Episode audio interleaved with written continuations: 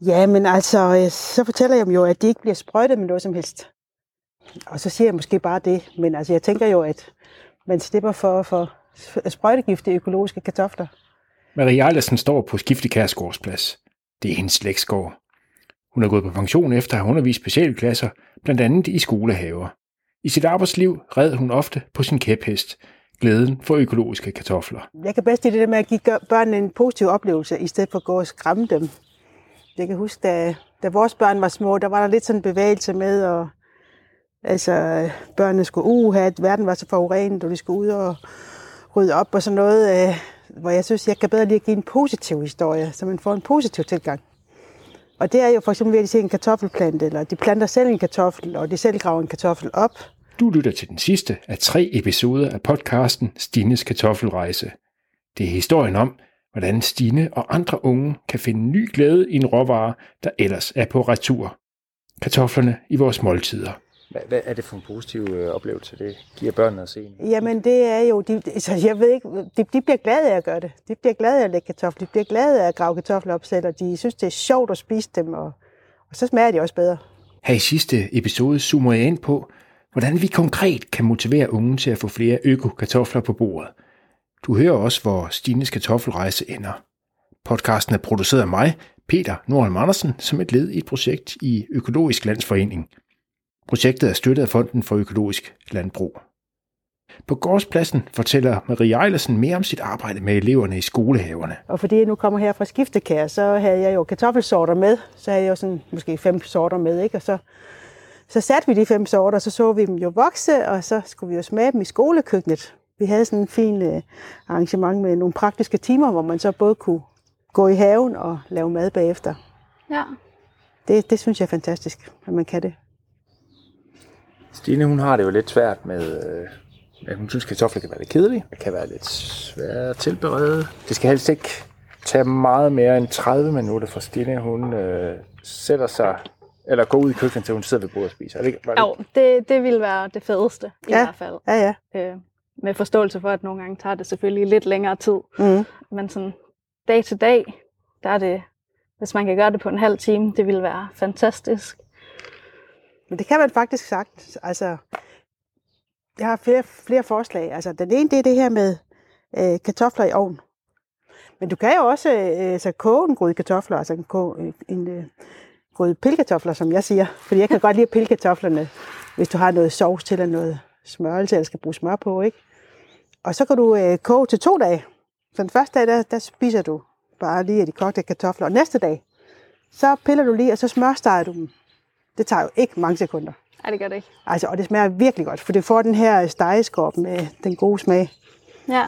hvad med en, øh, en lækker øh, rugbrøds... Øh, Nå ja, det er fordi, nu har jeg, står jeg, jeg står her og tænker på vinterkartofler. Ja. Men det er klart, altså her i julen, der kommer der jo nye kartofler. Og så er det jo kartoffelmad er jo en fantastisk ting. Der er ovenikøbet nogen, der synes, smagen er, er bedre, når de lige har, Ja, stået et døgns og det er faktisk rigtigt, og det gælder også, når du har kogt dem. Altså så lad dem lige stå i fem minutter uden vand og bare hvile sig. Fordi så kommer smagen altså bedre frem. Der var i den grad kartofler på bordet, da Marie selv var barn. Også i den fortælling gemmer der sig gode råd til at booste kartoffelglæden. Vi havde jo bare køkkenhave og havde vores egne kartofler her på stedet. Så der var stort set kartofler hver dag. Men altså, da min mor hun gik, hun gik nemlig meget op i pillekartofler. Vi fik nemlig næsten altid pillekartofler. Og de smager virkelig anderledes, end hvis du har skrællet en kartoffel og kogt den. Så koger du smagen ud. Ja. Så at koge kartoflen med skrald på, det betyder så virkelig meget. Du er ikke træt af at spise kartofler? eller Nej, det er jeg Nej. ikke. Hvor, hvorfor ikke? Jamen, det ved jeg ikke. Jeg synes bare, de smager godt. Altså, jeg trænger til kartofler simpelthen. Hvis jeg er gået to dage uden kartofler, uha, så trænger jeg virkelig til kartofler. det er altså rigtigt. Hvis nu tager sommerkartoflerne, de nye kartofler, hvad- hvordan skal de tilberedes? Jamen, jeg synes jo bare lige, de skal koges op. Ikke for længe. Og så lige have lov til at stå der og, og trække, inden man spiser dem. Hvor lang tid? 5 minutter? At det er svært at sige, fordi jeg synes tit, man faktisk undervurderer det. Nogle siger 12 minutter.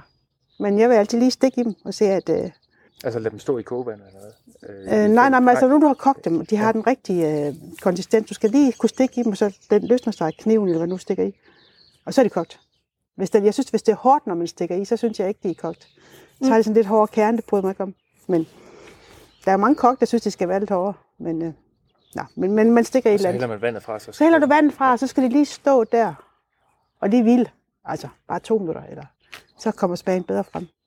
Økologen Peter Bay har givet Stine tre store røde sække med kartofler fra egen gård. Marie giver hende sit sidste konkrete råd, før Stine bevæger sig mod Aarhus. Her er eventuelt sådan en øh, flamingotønd og putte dem ned i, øh, hvor de kan stå mørkt og holde sig længe. De kan virkelig holde sig længe. Ja, så når man bor i en lejlighed på anden sal, Ja, ja, du midt i har, Aarhus med vinduer jamen, har du ikke en baggang eller en terrasse eller et eller andet?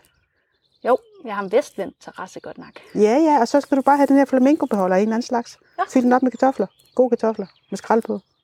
Så kan de Og så, bare mal, og så laver du sådan et kreativt projekt, hvor du så maler på den der tynde, så det Ja, ja, er ja. flot. Altså. Ja, ja, kartoffel. øh, Stine vil rigtig gerne prøve kartoflerne, opskrifterne og råd i sit eget køkken i de næste par uger. Og nu vi er ved de gode kartoffelkøkkenråd. I første episode hørte du Stine læse en spørgeundersøgelse om økokartofler. Her kan mere end 300 medlemmer af Økologisk Landsforening blandt andet gode råd om at få flere unge til at stille flere økokartofler på bordet. Nu stiller vi de fem bedste råd foran dig. Råd nummer 1. Vi beriger vores kartoffelmos med pastinak, persillerod, knoldselleri og eventuelt lidt grønkål. Så fås det ikke bedre. Råd nummer 2. En rest af mos mixet med æg og knuste nødder giver en fantastisk smag og en sund oplevelse at undgå madspild. Råd nummer 3. Jeg har lavet frikadeller i dag. Halv fars, halv kartofler og gulerødder. Det fungerer fint. Råd nummer 4. Retterne skal være super lækkert præsenteret. Små nye kartofler i en lækker salat. Eller en mad med kartoffel. Det er super sundt og billigt pålæg. Og til sidst, råd nummer 5. Kold kartoffelsalat med krydderurter er nemt og sundt. Også til grill. Et sted i togvognen bag journalisten og Stine næsten råber en mand tysk i sin mobiltelefon. Mens Stine bumler tilbage mod Aarhus, fortæller den 27-årige kartoffelrejsende om sit udbytte. Det tæller opskrifter og mindst 10 kilo skiftekærknolde. De tre sorter ligger i røde net ved siden af hende. Den ene var Blue Congo, ja, som er Blue blå, Congo. Ja, den er blå indeni. øh, og den anden kan jeg ikke huske, hvad hed. Øh, men den ligner almindelige kartofler, som dem vi kender, øh, som skulle være ret gode. Og Er du, er du frisk på at tage hjem og... Der bliver talt tysk i kopien. Er du frisk på at tage hjem og prøve nogle opskrifter? ja, jeg glæder mig rigtig meget. Mm. Øh, jeg synes, jeg fik nogle rigtig gode øh, råd med dernede fra, til ligesom, hvordan det er, man skal gøre med dem, uden at det tager en masse tid. Øh, så det glæder jeg mig rigtig meget til at prøve. Hvad var dit indtryk fra markvandring, der var ude, og Peter fortalte om økologi? Øh, det overraskede mig lidt, at de forspirede dem, øh, for ligesom at komme forskellige sygdomme i forkøbet, øh, så kartoflerne ligesom ikke får dem. Øh, hvilket selvfølgelig er en, en vildt god idé. Hvad tænker du om det der med at- forspire og bruge andre naturlige, eller hvad skal jeg sige, praktisk økologi på den måde? Jamen, jeg synes, det er fedt. Øh, jeg synes virkelig, det, det giver et godt alternativ til at, til at bruge øh, forskellige sprøjtemidler, for eksempel. Øh, når, når nu det er muligt. For det virker jo ikke som om, man, at det var særlig svært lige at gøre, selv på en kæmpe kartoffelfarm. Men i første omgang, så skal vi lige tilbage til Aarhus, og så, så håber jeg, du vil øh, være med til at lege lidt med de her tre opskrifter, som vi har fundet frem. Helt sikkert. Jeg glæder mig i hvert fald virkelig meget til at prøve noget andet end det, man selv lige kan forestille sig med at koge en kartoffel. Fedt. Fedt. Fedt, du er på.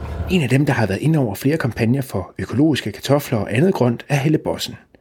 Hun er chefkonsulent i Økologisk Landsforenings markedsafdeling. I første episode af vores podcast fortalte Helle Bossen om, hvorfor navnlig de unge vælger kartoflerne fra. Blandt andet fordi de forbinder det med mormormad.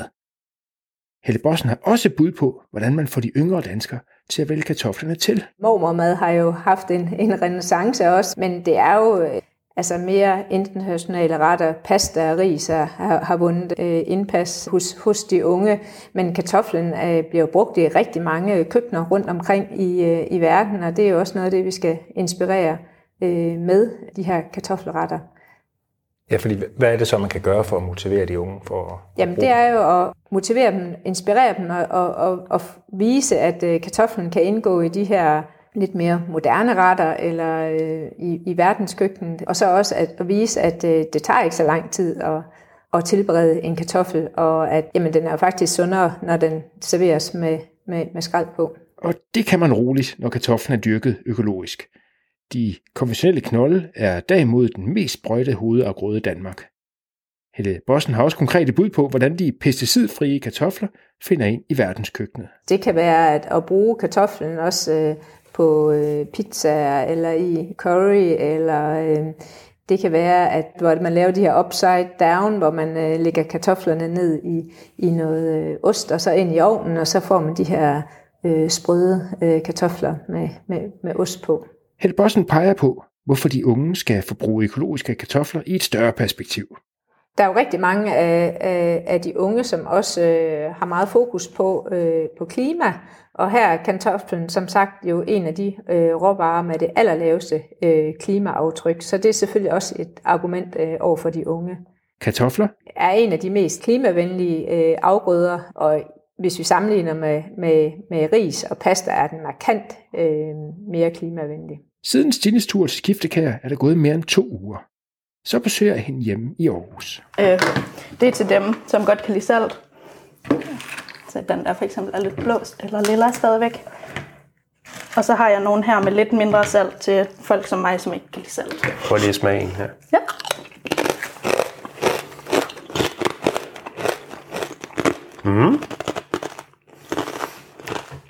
Er de ikke helt lilla, men de er mørke?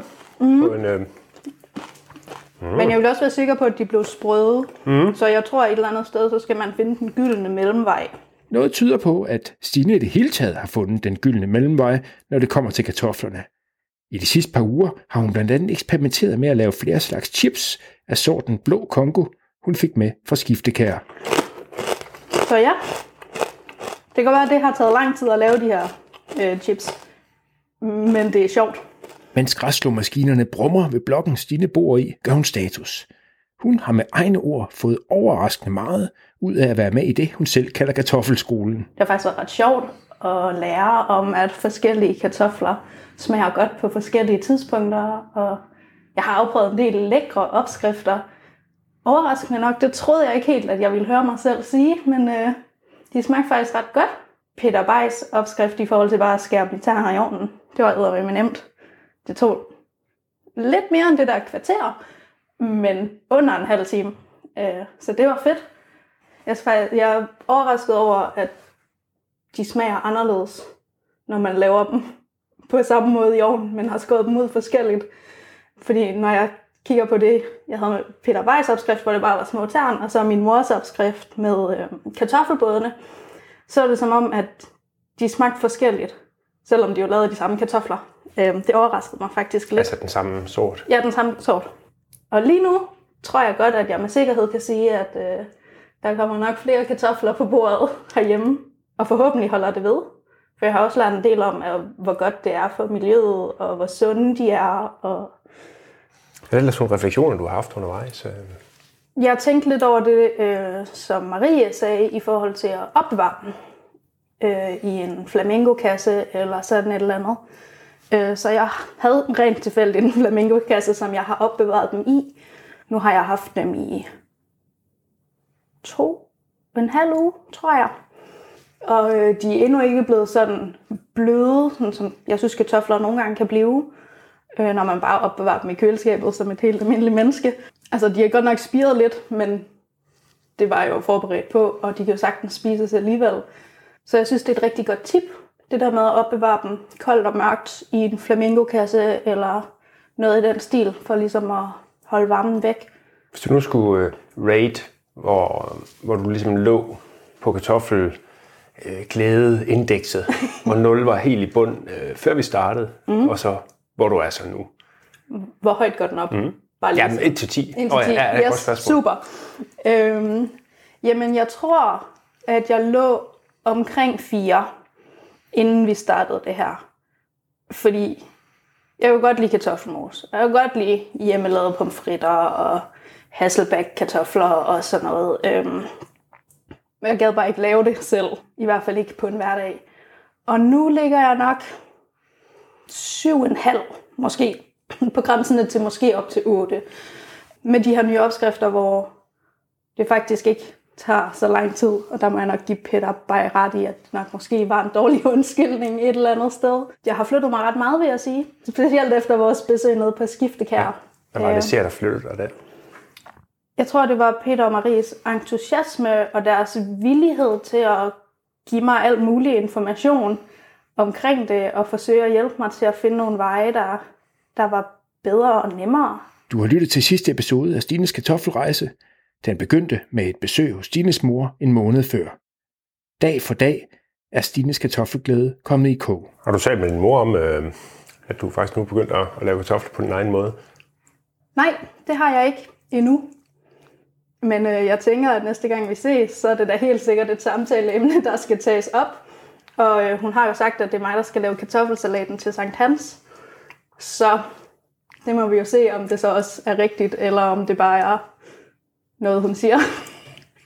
Lyt til andre podcast om økologi i Økologisk Landsforenings podcastunivers Økopod. Det finder du på økologi.dk-podcast. Flere af de øvrige podcast har jeg, Peter Nordholm Andersen, produceret. Tak fordi du lyttede med.